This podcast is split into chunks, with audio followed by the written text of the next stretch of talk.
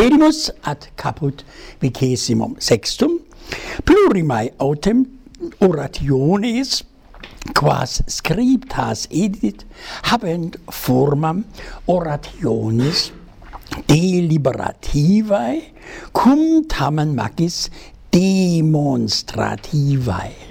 Eh, sind.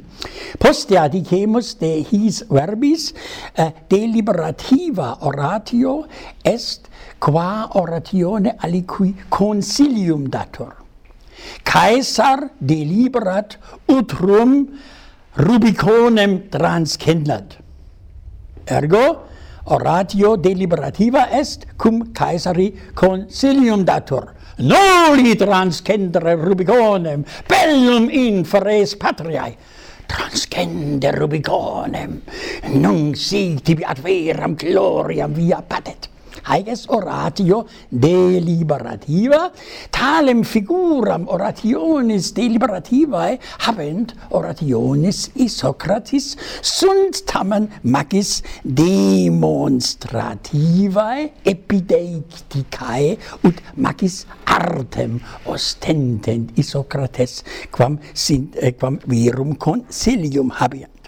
Pergo ac notissimae sunt panegyricus qui continet laudes Athenarum qui cumque craecis litteris studet et spero quam plurimos hic ad esse debet legare panegyricum i Socrates quoniam nemo umquam melius scripsit.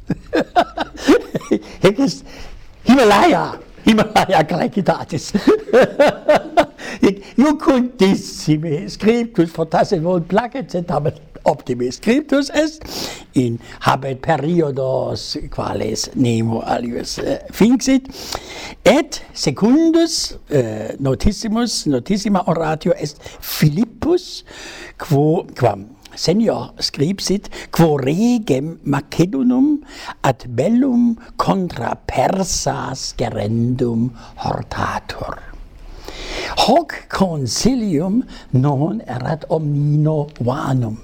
Nam Philippus quidem Philippus secundus rex Macedonum hoc bellum contra persas non suscepit quoniam antea morte ab reptus est sed filius eius Alexander Magnus id ipsum fecit quod eh, quod eh, Isocrates soaserat multiputant id non fecis propter isocratem sed aliter alii. Sed iud de hacre duca me non nunc non volo eh, judicare ah video iam ad finem pervenimus eh, eh, ad finem pervenimus Isocrates, cuius maxima laus est in eo, quod artem periodorum expolivit, id quod iam antea adumbravi.